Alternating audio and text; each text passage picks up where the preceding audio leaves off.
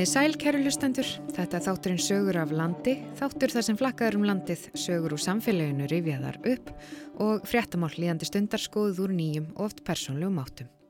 Ég heiti Gíja Holmgistóttir og við hefjum þannan þátt á Ísafyrði. Hvað segir ég gott? Endalega syngi ég með í þessu lagi, ef þið kannist eitthvað við það. Páskarnir hafa lengi verið sérstaklega mikilvægur tími fyrir vestan. Skíðavikan á Ísafyrði hefur verið árlegur viðburður síðan 1935 og árið 2004 bættist síðan við í Flóruna tónlistarháttíðin Aldrei fór ég söður. Skíðavíkunni hefur þrísvar sinnum verið aflýst í gegnum sögu háttíðarinnar. Fyrst árið 1949 þegar mænuveiki faraldur gekk yfir landið og svo var háttíðinni aflýst í annarskiptið í sögu skíðavekunar þegar landin var kvattur og beðin til þess að ferðast innan hús yfir páskana í fyrra og þá á Ísafyrði gildi fimm manna samkomi bann.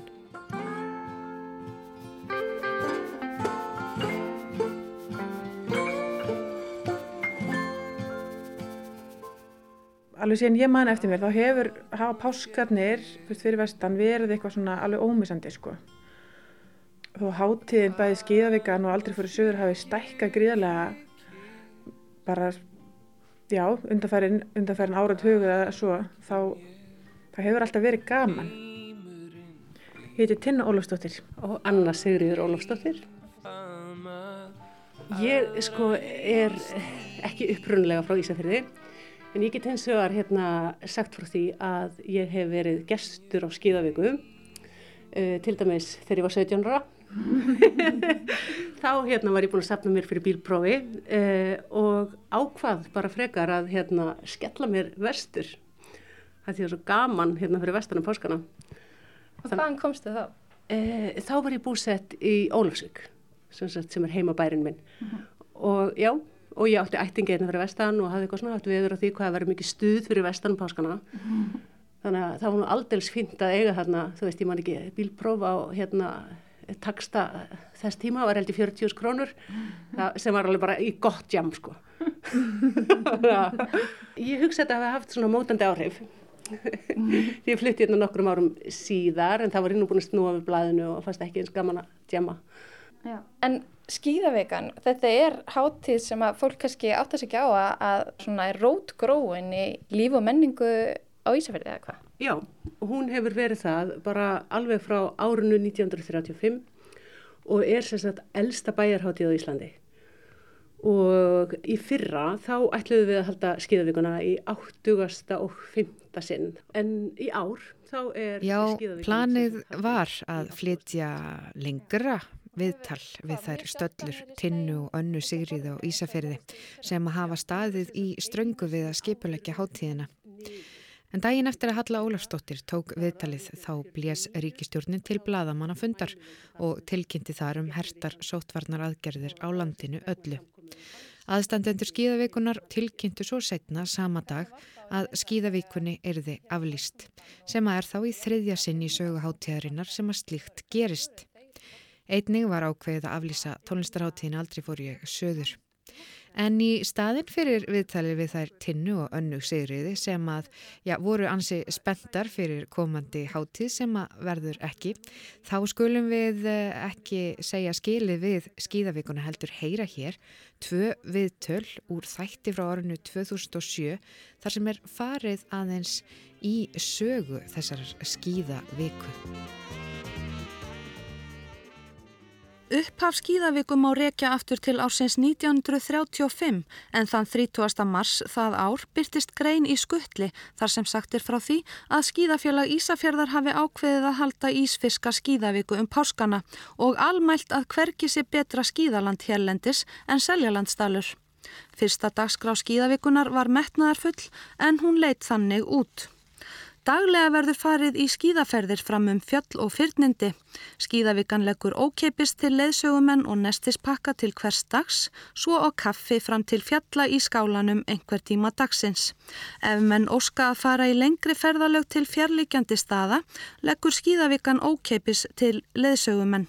En stórhópar geta ekki farið á hvern stað vegna slæmrar aðstöðu til móttöku og gistingar. Gistingu og mat á öðrum stöðum verða þáttakendur að greiða sjálfur. Eitt kvöldið verður kvöldvaka og leggja þáttakendur sjálfur til öll skemmtiatriði. Ókeipis kveðjutansleikur fyrir þáttakendur verður haldin í samkómi húsi bæjarins. Skíðavikan annast ókeipis allar smarri viðgerðir á skíðum og stöfum og sérum að lána mönnum skíði meðan á aðgerð stendur. Hver utanbæjarmaður greiði 10 krónu þáttökugjald fyrirfram. Bæjarmenn greiði 5 krónur en leggir sér sjálfur til nesti og annist aðgerðir skýða á eigin kostnað.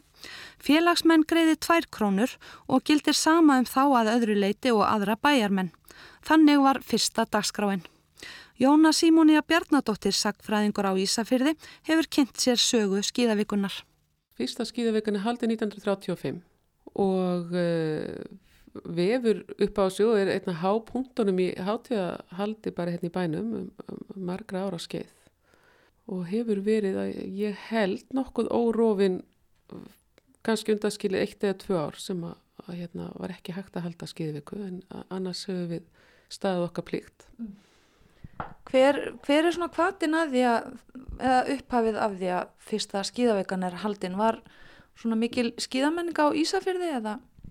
Já, sko það stofni hérna skýðafélag 1934 og þá voru menn lengi vera, búin að vera svona að ebla skýðið íþróttina hérna. Hún náttúrulega kannski ekki mjög langa sögu. Það múi segja að tilkoma norskra kvalveðimanna hérna í önundarfyrði eða hérna í nágrennu. Það hefur verið svona kveikjan að skýða á að þeir komið með skýði hinga frá Noregi og, og, og fóru að hérna, komið þeirn í skólana að kenna börnum á skýði og þetta vefur smátt að smátt upp á sig og hérna á Ísafyrði fara menn að vera með skýðakennslu mm, svona á fjórða áratug síðustu aldar mm.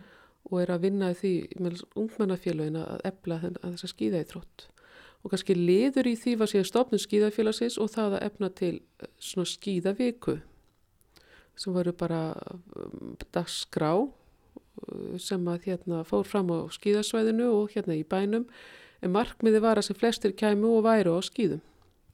Og strax fyrsta árið þá komu fjölmarkir gestir til Ísafjörða til að taka þátt í þessu? Já, þá kom hérna fólk uh, allavega á Reykjavík til að taka þátt og það var sett upp uh, mikil dagskrá sem fólst í hérna, ferð, skýðaferðum og, og bæði löngum og stuttum og kvöldvökum og, og svona, eh, múið segja í, að, að í nótskuld sé þetta eins og þetta við erum að halda þetta í dag, það er svona bæði skemmtun og íþróttir. Nú eru samgöngur heldur erfiðar á þessum tíma en það verðist ekki hafa stoppað fólk?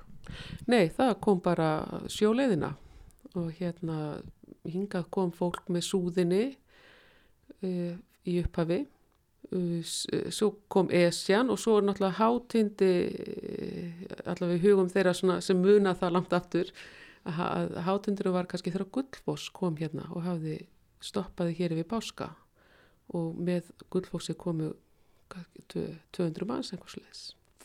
Og var skipið þá hér við höfn allan tíman og helt fólk til bara í skipinu? Já, það var allavega einhver árið þannig að skipið bara lág hér og, og, og hérna og mikil stemming í kringum gullfóksárin. Hafðu bæjarbúa það jafnvel aðganga þeim skemmtunum sem að voru þar um borði eða?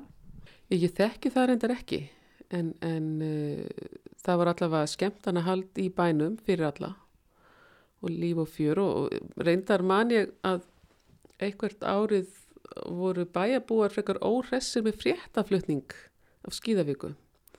Gott ef það var ekki hvort það hafi verið eitt þessum árum sem að gullfóslá hefur bryggjað og hvað veit ég ekki alveg en, en, en uh, þá þóttu fréttaflutningur frekar neikvæði að hafa talað sem sem að hér var mikil drikja og, og mikil skemmtanahald fófyrir brjóstuðu ekkurum en Ísfjörðingar voru ekki sáttu við þennan fréttaflutning og þetta hefði nú ekki verið neitt umfram það sem vennjan er og, og ekkert umfram velsami Þannig að hérna, það hefur greinlega stundu verið líf og fjör. En uh, hverju voru þetta sem að voru að koma hingað á skíðavíku? Var þetta einungis skíðafólk eða bara alls konar gestir? Já, ég held að þetta hafi bara verið svolítið breyður hópur fólk sem kom. Stór hluti þess er eflust eins og er ennþá uh, brottfluttir eða þeir sem áttu ættinga hérna. Það er eflust verið svona kannski stærsti hlutin af þeim sem voru að koma. En svo er þetta bara alls konar fólk sem að bæða þeir sem voru að koma sérstaklega til að vera á skýðum og, og aðrir bara til þess að, að koma og, og dvelja hér og náttúrulega kjöru tæki fyrir sjálf og sér eins og að koma með skipi eins og gullfósi, hvort sem þú ætlar að koma úr skýðin ekki en að dvelja hérna á staðinum í þessa daga af því að það var náttúrulega mikið um að vera. En ég held að þetta hafi verið tölvört breyður hópa fólk sem að kom.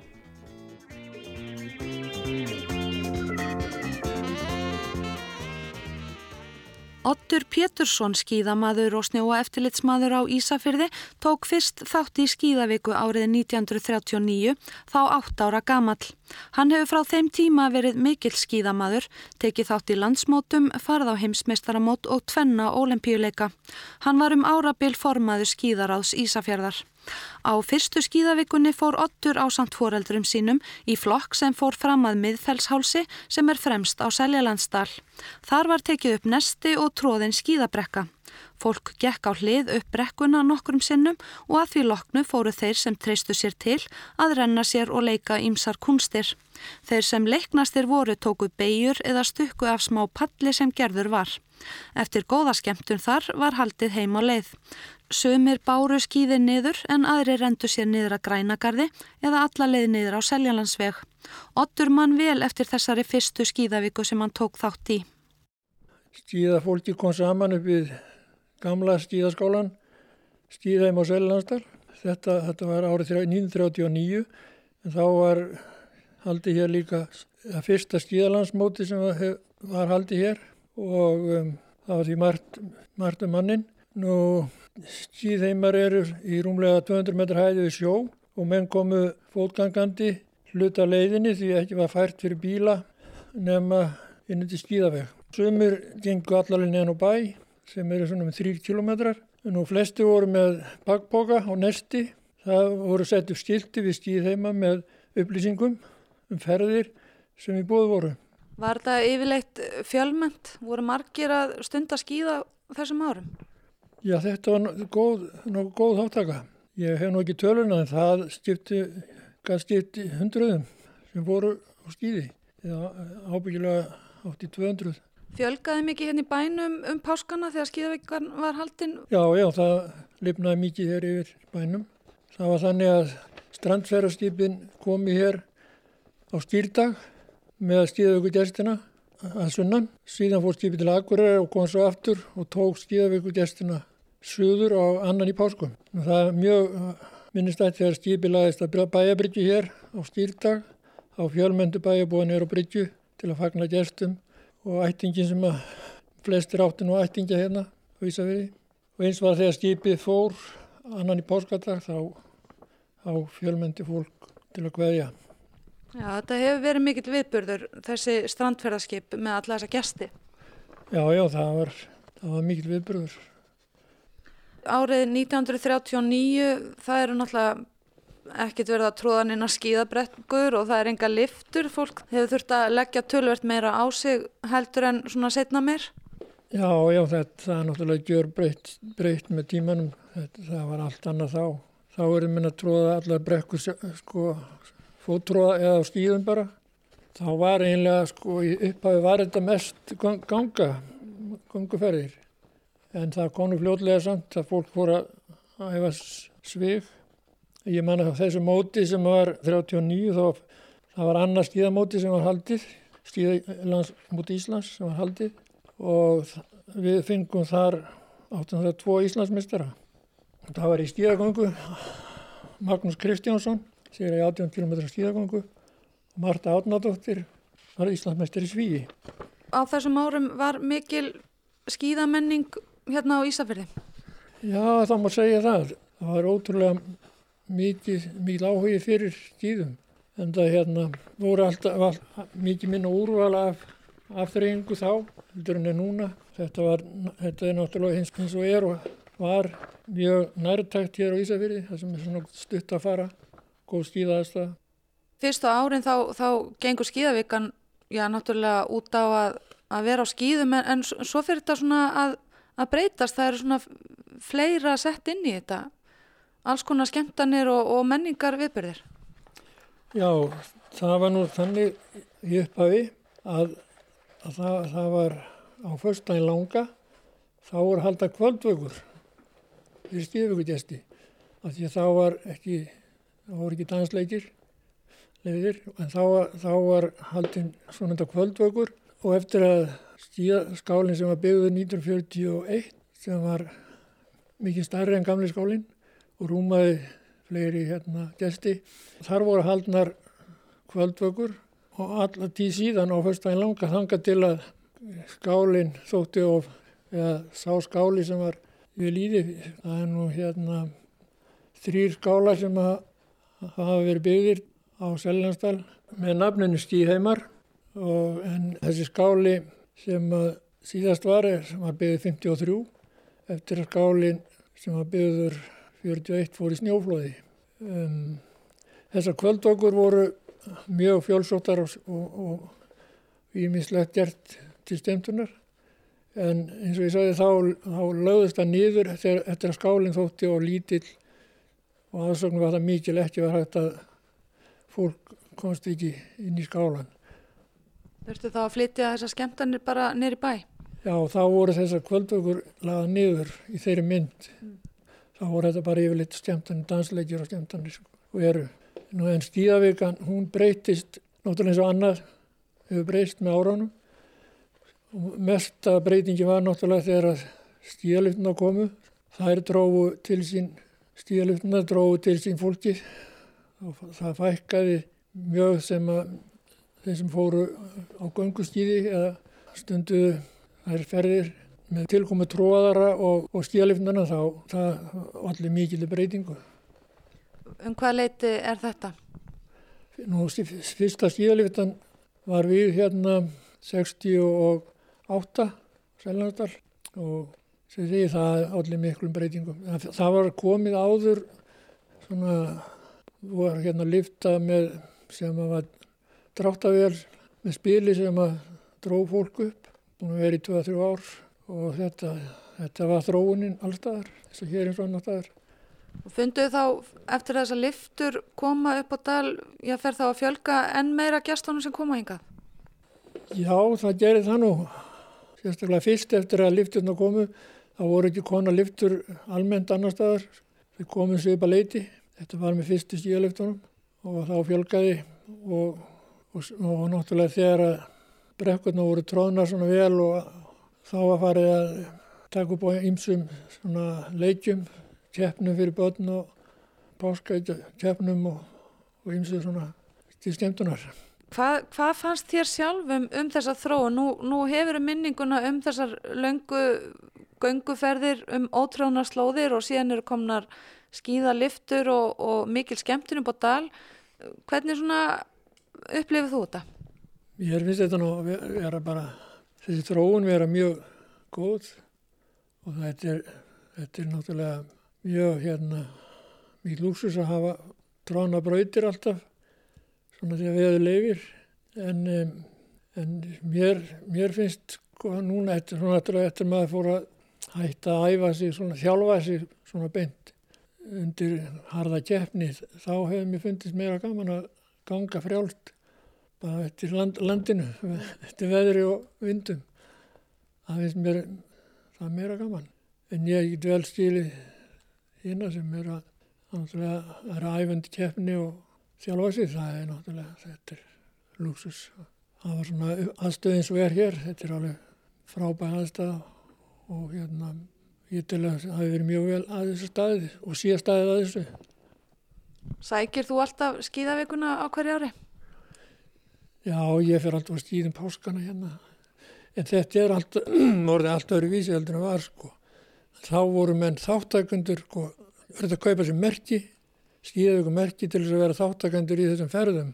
Og í dag er það ekki þannig, það, get, þeir sem var á stíði er ekkit sérstaklega þáttangandir í stíðavíkunum, þeir eru bara, bara á stíðum. Þú kendi mér svo margt.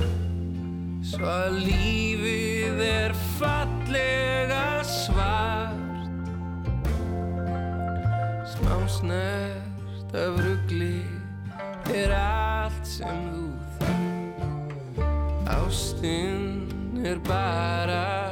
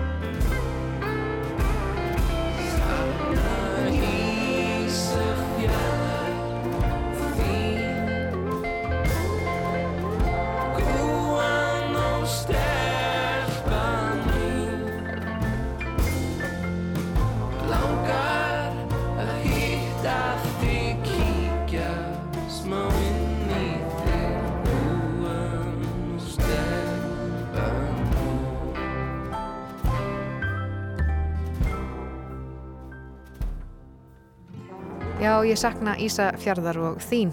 Það er að Múkisson hér með eitt af einkennislögum tónlistarháttíðarinnar Aldrei fór ég söður, Gúan og Stelpan. En frá norðanverðum vestfjörðum er ferðinni heitið Annað.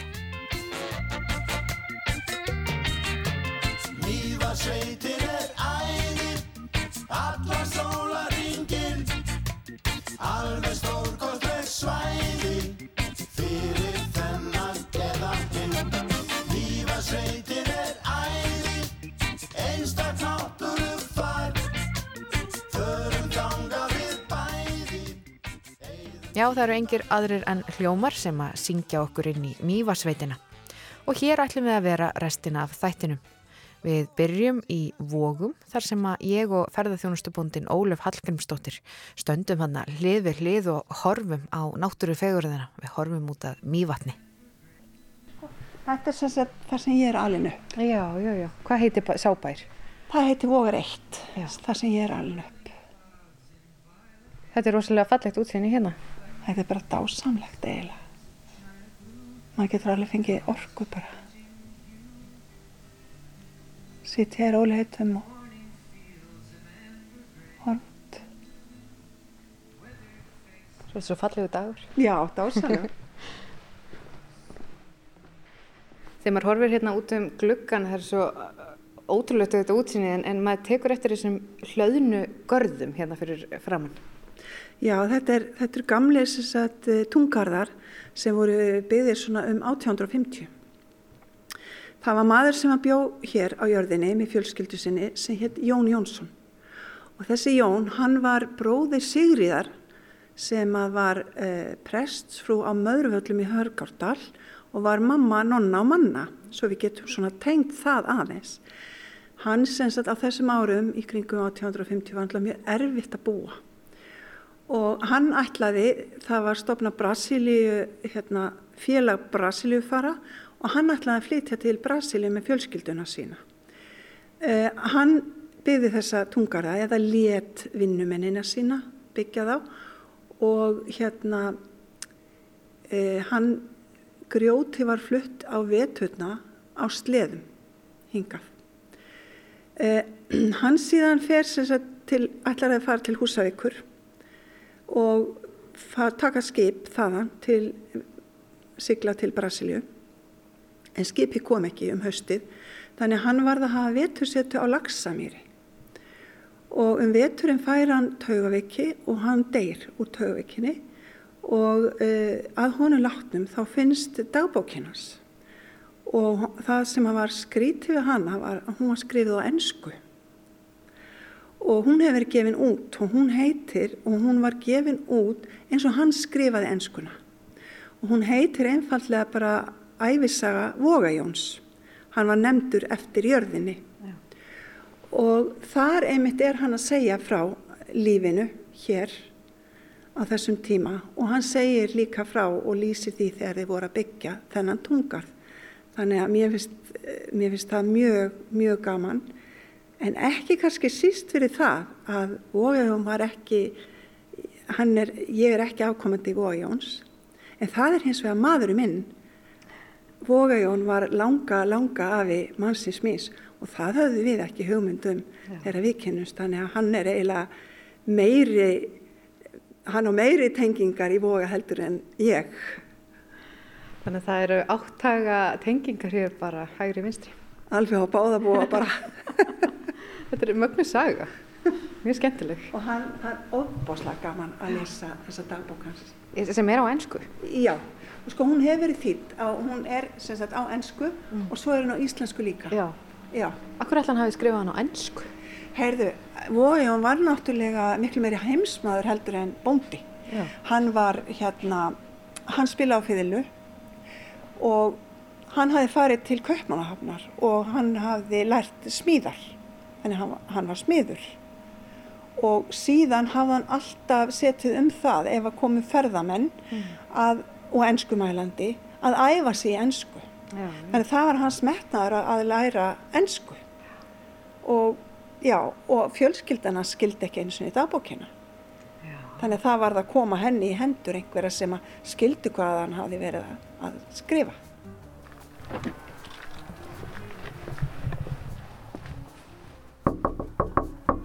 Næstirferðinni heitið til Líðhelsu fræðing sem býr í Reykjavíðar Þorpi en hún hefur rannsakað hamingu mývetninga.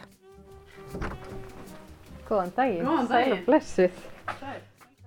Ég heiti Jóhanna Jóhannsdóttir og ég starfa sem íþróttakennari við Reykjavíðar skóla. Og svo ert þú nú svo heppinn sko það eru ótal nefndir í sveitarfélögum og svona. Þú færð að starfa öruglega í einna skemmtilegri nefndum landsins hamingi nefndin uh, hér á söðinu Já, ég er búin að vera með í þeirri nefnd frá upphæði, það er mjög skemmtilegt starf. Byggir svolítið á því sem ég gerði í minni rannsókn í liðhelsuvísindunum sem er heilsa og liðan mjötninga Segð mig hvað kom út úr þeirri rannsókn þegar þú hérna varst að rannsaka uh, hamingi mývetninga hún kom bara vel út, við komum mjög stert út, bæði með góða andlega og líkamlega helsu og, og hérna og lítið um stress, aðeins mér að stressa á sumrinu en veturna svona tengt ferðamanninum. En almennt bara komum við mjög vel út og komum betur út heldur en aðrir á í helbriðsundagi Norrlands sem ég hafði til samfélag að það er bara gott mál. Og þú hefur svo og þið í nefndinni haldið áfram að gera svona kannanir Já, en bara mun stittri, bara svona cirka 12-14 spurningar til að fá svona stöðuna. Fyrsta var laðið fyrir janúar 2019, svo aftur janúar 2020 og svo núna er þriðja í gangi.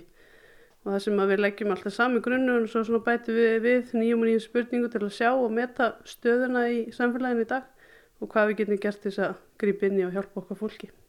Og hvað er þið helst að skoða? Andlega heilsan hefur verið núna endafarið og eins og í fyrra kom alveg skýrt fram að yngsti hópurinn okkar á í mestum erfuleikum með það. Og þá gerðum við samling við Sálfræðiþjónustu Norðalands og hefum verið að bjóða okkar fólki upp á þrjá fría sálfræðitíma. Allt síðast ára og svo aftur núna sem þetta er það í bóði og það var bara frekar vel nýtt sem frábært. Eh, það kom skýrt fram í þeir könnun að það var verið ákall eftir meiri samveru en svo kom COVID á og það var nú kannski lítið að þetta gerir því En við erum alltaf að reyna þegar það er hægt og við erum með svolítið hvað það er svona líðhelsugöngur við erum reyndið að vera með og við erum búin að vera ná að halda nokkur núna þessu ári. Og það er að vera á gönguskíðum, við erum að nýta hérna gönguskíðaspor út um alla sveit. Og já, þetta er svona, það er kannski einna helst sem við verðum að gera, svo hefur við verið að fá alls konar fyrirlestra áhört efni, það sem að vera að fjalla um alls konar ímest tengt sálfræði þjónustu Norrlands eða þá við höfum fengið eins og Sölvi kom og spjallaði um bókinu sína. Þannig að það er bara gott. Já. Segðu mér aðeins frá samfélagi hérna við Mývatn. Eh, hvernig myndur þú lýsa því? Bara mjög opið fólk, þetta er hörkudulegt fólk, það er mjög ötult og, og duglegt og gerir bara allt sem gera þar og gengur allt stöður sem gera þar uh, mjög bjart sín við höfum tekið þessu COVID ástandi bara freka vel fyrir að þjónustu fyrirtæki þá sérstaklega Já, það hefur ekki lagst, mér finnst það ekki að hafa lagst neitt rosalega illa á okkur þannig sko, náttúrulega jú vissilega miklu minni um að vera, hótelin lokuð annað eftir því og minna að gera lóninu en, en svona heiltaliti hefur við tekið sem er ótrúlega, ótrúlega jákvægt og bara horta og sé tækifærin í þessu. Mm -hmm. Til dæmis er vaskurhópur manna búin að endur við ekki að skýða starfi okkar frá grunni og það er yngungu að því þeir höfðu tíma og tækifæri sögum COVID. Þannig að það er eitt af það jákvæða sem hefur komið út úr þessu COVID. Segð mér frá þessu skíðastarfi. Já, við vorum með þetta í kröflu og hún var starft hérna fyrir nokkrum árum og bara mjög tullt og flott starf og laðist af þegar skíðaþjálfarinn flutti burstu. Og nú eru vaskimenn búin að koma aftur og taka til höndunum og komin í gagnið og það eru hafnar skíðaæfingar aftur og bara margra ára að vinna framöndan að haldinni við og bætana og lagana og, og hérna, þetta er alveg gömur lifta en við ætlum að láta hana ganga alveg einhver 50 ári viðbútt helst ef, ef svo gengur. Þannig að það er bara, það er flott. Og þú starfar sem íþróttakennari við skólan hérna. Og lísta það í skólasamfélaginu? Eru margi nefnendur og, og hvernig er svona skólinn uppbyggður? Eh, skólinn samanstendur núna 37 nefnendum þannig að þetta er svona lítill sveitarskóli mjög sterkur og góður andi í honum og svona mikil samhælni þannig að það er allir svona stóru krakkandi passa vel upp á litlu krakkana og svona framöftið svona, já, bara ótrúlega flottur skóli. Ég, við erum heilsueflandi skóli við erum í grænfónaverkefni við, við vinnum eftir jákvæðum aga. Og er líka leikskóli tengtur við skólan? Já, hann er sambyggður skólanum en það er önnu bygging sko. Mjög gott samstarf á milliskóla og grunnskóla og svo er íþrótdósi þar við liðin á þannig að það er, já, þetta stutti allt. Já, alltaf sama blettinum svona fyrir unga fólki en hvað hérna, þú veit nú vendarlega mikið inn í íþróttalífinu hérna. Hva, hvaða íþróttir eru svona helst stundar á sveðinu?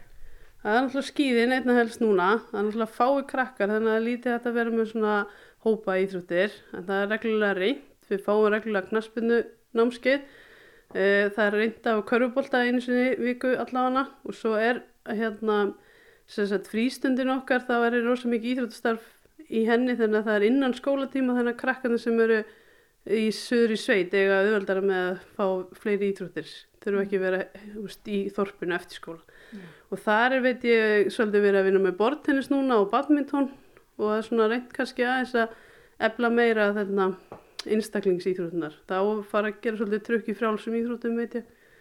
Og, svona, og svo eru við svo eru fullonu kallarnir okkar alltaf í fókbalta að sprikla og við konunnar erum í blakki og höfum verið með tvörlið núna undanfari að keppa mótum Já, þannig þið farið í áhuga mannakeppnirnar eða eru þið í, hva, í hvað keppnum verið þið? Já, öldungamótin. Já, öldungamótin.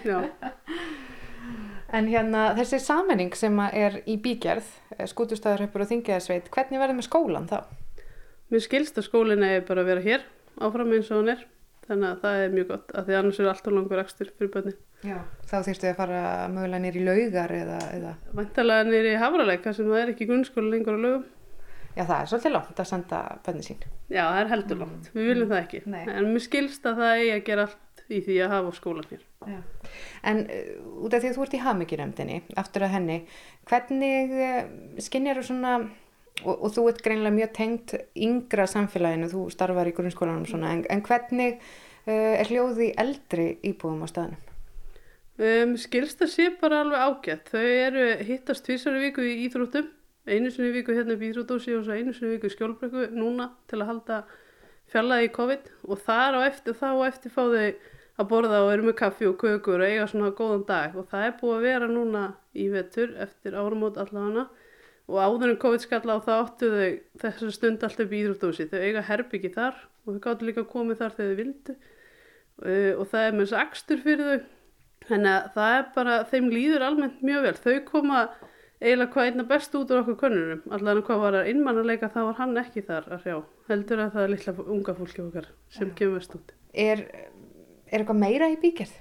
Það fyrir allt eftir hvað kemur út úr konunum núna sem við erum að gera hvað við gerum áfram. En við allan erum alltaf að, að koma hérna og allum að reyna að bæta þessu gungum, bæta þeim inn í og já, það er svo sem ekkit annað plana. Við erum svolítið að býða og sjá hvað kemur út af þessu, þessari konur. Takk fyrir spjallið og gangi ykkur vel hérna í hafmyggisömmum skútustæðarheppi.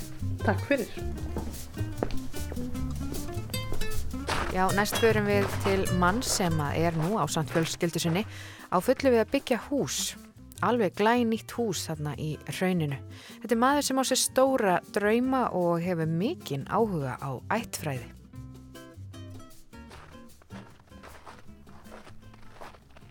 Getur sett mér svona hvað sjáum við hérna fyrir auðan? Við sjáum náttúrulega fyrst það sem er næst okkur er bara raunir sem mm. er mjög engjandi hérna í mjög og sérstaklega á austurbakkanum og það er mosavaksið og, og ling og, og gróður og smáplöndur og, og byrkitri og Guð var svo askotli góður eða framsýtna, hann tók svona úr þessum raunkömpum hérna þannig að ég sé bláfjall ja. í fullri reist ja. alveg hérna langt í burtu en ótrúlega hérna sín náttúrulega og þetta er mikið og reysilegt fjall Ég sé ekki sellandafjall, það er á bakvið. En svo glittir aðeins í vatnið? Það glittir í vatnið og, og ég er alveg upp á vassbakkunum og það var svolítið mál fyrir mér að þegar ég var að byggja að komast hérna, mm. það háttaði sæði nýra vatn. Já. Ég var alveg því að vakna mótnana maður lítur út, hver er vindáttinn, hver, hvað mikill vindur, vatnið og fugglarnir, það var bara á svona barometerinn. Já.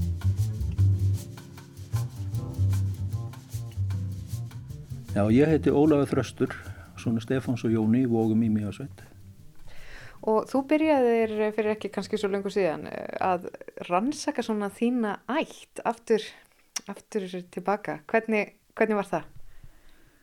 Jú, ekki lengur, jú, það er kannski orðið langt síðan. Það er svona, ég fluttist, eh, eða fór til náms þegar ég var 16 ára til Reykjavíkur og svo flytt ég heim, það sem er svona, maður segir hjarta sinu heim aftur 2005 og þá fer ég svona eitthvað að, á vetur, vetarkvöldum þegar minna að gera það þá fer ég eitthvað að glugga í svona ættin mínar Já. og bregður svolítið við að því að þegar ég fer að lesa reykjarlegar og skútstarættina þar sem, að, þar sem eru mínar ættir þá sé ég að ég er rosalega skildur sjálfur mér og það var svolítið blendin tilfinning þegar maður veit það að að slíkt getur leitt til já, hvað segir maður? Já, okkunnur úrkynjunar eða, já. Þannig að ég fór svona að grafast fyrir og lesa þessa bækur og, og lesa þær saman og, og kemst að því að þetta var bara svona í tíð minna fóröldra og fóröldra þeirra og, og fóröldra fjóru kynsluðar aftur og ég svona var svolítið að lesa saman á þessar, þessar ættir sem ættin og skútstarættina og, og sé að þessar ættir eru svona byggjast upp út frá tveimur, kannski mönnum, mikið upp úr í byrjun 1800 og eitthvað. Og þeir eignast mörg börn, 13 upp í 20 börn held ég. Og, og eitthvað kannski framhjá. Og svo um miðja já 1850 það heitir 19. öldin eða ekki já mm. og þá byrjar þetta fólk að mæjast saman sko mm. og verður mik miklar stórar ættir og þetta mæjast saman og, og svo fóröldra mínir þeir mæjast líka saman þeir eru þremengur á einu stað og fjórmenningar á einu stað og ég svona tók svolítið bara um hausin og byrju hvað, hvað var það að gerast bara Þér leist bara ekkert á blíkuna Nei, nei, mér leist ekki alveg á blíkunum, ég, nei, nei, og, og hérna, og það fer nú svona mín kynslu kannski að þá, þá far mann leita eitthvað út fyrir svæðið og, og hérna, en þetta leiti mér bara, einhvern veginn þá kviknaði áhuga á að, að hérna skoða bara samfélaga líka, ja. hvað er, hvað býra baki, hvað, hvernig er þetta svona? Mm -hmm og svona framhalda því að bara eitt leðir af öðru. Þetta er svona eins og maður sem er púsluspil sko. Maður finnur einn og einn kupp í púslið og er rosalega ánaður alltaf.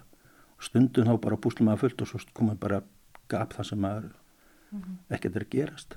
Og hvað fannstu?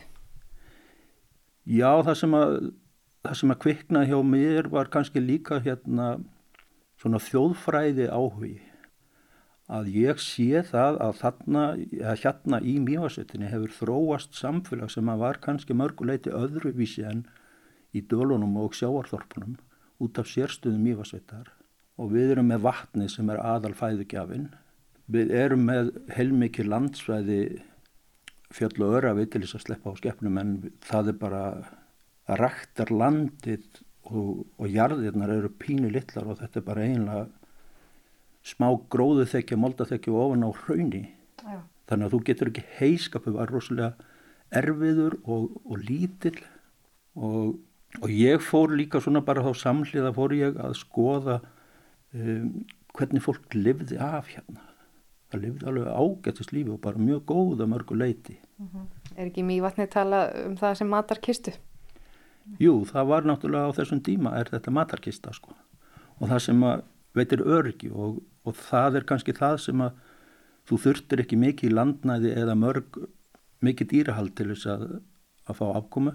Það var eiginlega alveg nóg að, að hérna, þú hefur aðgang af vatninu og þá hafður þú bara, bara ágættis lífsmöðuleika og jarðirnar hérna það eru 2-3 og jáfnvel fjögur bíli á hverju jörð núna Já. og hvers vegna er það? Kanski komst ekki burtu eða bara mm. Þarna var ákveði bara fæðaöryggi og lífsöryggi Já. og hvers vegna verið burtu. Það var ekki pressa kannski á, á mentun þannig laga Já. á þessum tíma og þá þurfti maður að finna sér e- eitthvað konfanga eða eitthvað mann og þá var leitað bara á næstu bæi þannig að þá kemur þessi svona skilleiki Já, ég, ég veit ekki alveg hvað, hvað veldur þetta er náttúrulega sko, við erum ekkert í alfar leið Nei. við erum bara botlangengstar hérna upp á, upp á hálendi og það er enginn komað að fara þannig lagað skilur með, með hluta ársins og og einhverjum ástæðum þá er þetta, finnst þetta ekki skrítu og ég er bara komist að því að, að þetta var mjög, mjög víða svona að það var ekkit undarlegt, var, menn væri bjara mjög einræktaðir innan ákveðina svæða. Já það er nú svona þegar maður byrjar á svona að grubla sko þá og svona maður eins og ég sem hef, hef mikið áhuga á þessu þá, þá verð ég bara einhvern veginn held ekki næstu og svo finn ég þegar er upp á lofti í heimili fóraldra minna. Þau eru látin bæði og þar finn ég tvo, þrjá eða fjóra fulla hérna innkaupapoka af brefum og ég fór að, að skoða þessi bref og sé að þarna eru bref frá langafa mínum Jóni Stefánsinni sem var skáld Þorgil Skjallandi til dóttur sinnar sem er þá móður amma mín, Vétís og svo eru þarna bref frá móður minn, minni sem að hafði sem sagt eh, skrifað vétísi móðu sinni, bref móðu mín hérna bjó á letistöndur og fætt þar uppalinn. E, flutt, eða mamma henn móður henn af vétís og hún flyttur til Reykjavíkur bara upp úr stríði. Og hérna móðu mín er að skrifa skrifa móðu sinni bref nánast kannski einu sinni tvísvar í mánuði. Mm -hmm. Frá, ég get rakið þessi bref frá 1946 og, og svona fram til 1963 þegar, þegar Amma veti steir. Já. Og þarna koma öruglega fram miklar heimildir og, og svona já, hverstagslega lýsingar kannski? Já, samhliða þá er ég að, að grúska í dagbókum pappa og þær eru svolítið mikið bara svona vinnubækur, mm. hvernig var veðrið, hvað veitist mikið, hvað var verið að snúast í kringum fjö og ekkert annað. Það var ekki mikið um daglegt líf hvernig það lifur en í bregum mömmu náttúrulega þá er hún að segja frá bara öllu þessu daglega lífi. Hún er að sauma född á börnin sín upp úr einhverjum öðrum föddum hún er að fara í heimsókn hitt og þetta og þarna og þegar hún kemur þarna í heimsókn og tafðu um stund eins og fólk sagði þá þá farum þetta þá er kaffi og það er þetta sem er með kaffinu og þú veist þetta er alveg í dítil mm -hmm eins með alla skemmtanir eða bara svona, já, breveru allt öðruvísi heldur en dagbækur mhm. -huh. og segja frá lífin og þarna þarna sökk ég bara á kaf og, og fekk mikið hérna út fyrir því að lesa þetta og þá talandu um púslispila þá fer að tengja, það fer að koma svona meiri heldarmynda þetta, það er alltaf eitt og eitt púsl hér og þar og og svo finn ég brefin sem sagt bref hérna langafa til dóttur Sinnar sem eru skrifið upp um aldamátu 1900 og, og frameftir og þau eru stórmerkilegt og, og gefa svona aðeins höru persónleg. Ég hafði vita náttúrulega um þennan, þennan langaða minn og hans sögur, bæði dýrasögur og skáldsögur sem að hann var svolítið svona rebel. Held hann hefði verið pöngari.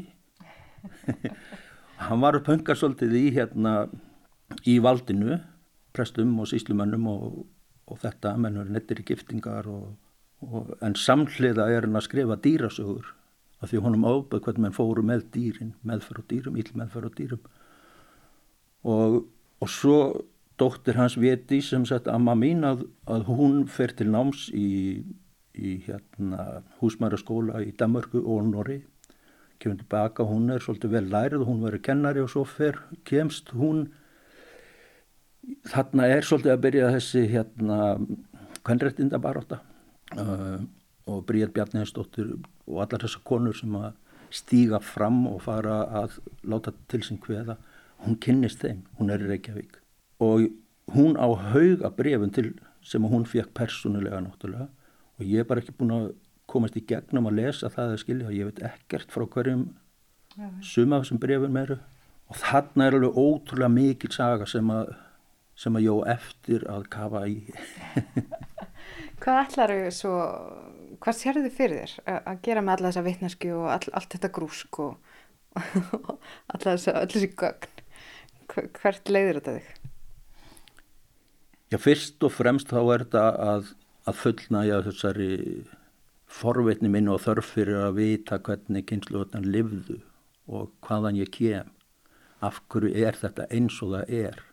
Og öðru lagi þá langar mér mjög mikið til þess að hérna skanna þessu bref og koma þeim til minna sískinu og barna þeirra og, og barnabarna og koma þeim svo í geimslu á hérasbóksafninu og skráningar þannig að aðri geti fengið aðganga þessu og mér langar rosalega til þess að hérna í Mývarsett eru við mikið að, að hérna selja náttúruna, náttúruupplifun. En uh, saga okkar og menning hún hefur aldrei fengið aðgengi að því að við bara þurfum ekkert að vera að, uh, að hérna, koma henni á framfæri við ferðamenn eða túrista. Og já, þetta er svona eitthvað, ég, ég veit ekki alveg hvað mér langar til þess að koma þessu einhvern veginn framfæri eða geta í gegnum einhverja sem eru sakfræðingar, þjóðatafræðingar eða fræðimenn sem að geta komið á þessari, þessum upplýsingum sapnaðum að koma þeim á framfæri. Og ég var svona svolítið mikinn stóran draum um það að það verði kannski ekki kannski, nei, það verði. Það verði sett upp sapn hérna í Mývatsveit og við höfum söguna alveg frá landnámi nánast í gegnum hófstæði og fram til okkar tíma en hérna Já það, já, það var nú eitt sem ég hérna, áttaði mig á sem að fyrir að hugsa þetta. Ég, ég fór bara allt inn á pæli býtu. Þetta fólk bjó mann fram að manni við sömu kjör og sömu aðstæður og sömu handbröðin og sama vinnuaðferðin og, og allt það. Uh -huh. Nú er komin einhver teknild og öll, allir þessi, öll þessi smá atriði sem að hérna, eru samtvinnið í lífi fóraldar minna og keinsluðana þar á undan þau eru hverfa. Við vitum þau fóru að veiða til vatninu. Þau fóru að veiða gegnum ís og dorg. En það sem mig langar að vita, hvar voru þeir að veiða? Hvar beittu þeir? Hvernig beittu þeir? Um, all þessi smáatrið, öll verkfærin og þessi vittneska, ég bara allt inn um fatt að byttu. Þetta er að hverfa bara six feet under eins og maður segir. Bara mín kynslu við, ég náði aðeins svona í þessa lefnaðarætti sem barn en þetta er bara hverfa og ég bara hugsa mér það, það, það má ekki gerast þessi öll þessi smáatur, öll þessi vittneski hún má ekki bara hverfa í burtu það verður eitthvað að gerast til þess að, að bjarga þessu og, og hérna tala við gamla fólki, hvernig var þetta hjá þér, hvernig var daglegt líf og allt þetta? Þannig að þetta er svona þetta er svolítið svona stórhæri grötur sem ég veit ekki hvað ég á að gera við af því að ég er ekki með mentun í það. En en ég er svona smátt og smátt er ég að koma til samband við fólk sem að hefur mentun og er að vinna við að, að sapna svona upplýsingum og þá þannig já, mér langar bara að leggja mitt til það sem að mm -hmm. Þú átt stóran draum og það er vonandi að þér takist að, að láta hann verul, að verða veruleika. Já, þetta er stóru draumur en ég lakka rosalega til. Núna er ég að byggja og fullu og er búin að vera að byggja og kom undir með fótunum í, í, í með heimagistingu og byggja nýtt hús og það er búið að vera rosalega stórt og mikið verkefni í sex ár. Ég kláraði það núna í sumar og, þeirra, og ég hef sagt þegar ég er búin að byggja þetta hús þá ætlum ég að fara að kafa onni þennan fróðleik, finna þessi bref og og vinna í þessu Já. samlega því að, að búa um rúm og þrýfa og, og taka mútið gestum. Þetta er spennandi, gangið vel í þessum verkefnum, byggja upp draumin og byggja húsið þitt. Uh, takk fyrir spjallið Ólafur Þröstur. Takk svo með leiðis. Og þá er komið að lokum í sögum af landi í dag. Viðmalendur í þessum þætti voru þær Tinna Ólafstóttir og Anna Sigriður Ólafstóttir á Ísafyrði, einni sem við revjuðum upp sögu skýðaveikunar á Ísafyrði og heyrðum þá við töl frá árunnu 2007 við þau Jónu Símónu Áskirstóttir og Odd Pétursson. Í setni hluta þáttarins var síðan rætt við þau Ólufu Hallgrímsdóttur, Jóhannu Jóhannesdóttur og Ólaf Þröst Stefánsson í Mývarsveit. Tæknimaður í þessum þætti var Lítiða Gretarsdóttir. Við þökkum þeim sem hlýtu, lifið heil.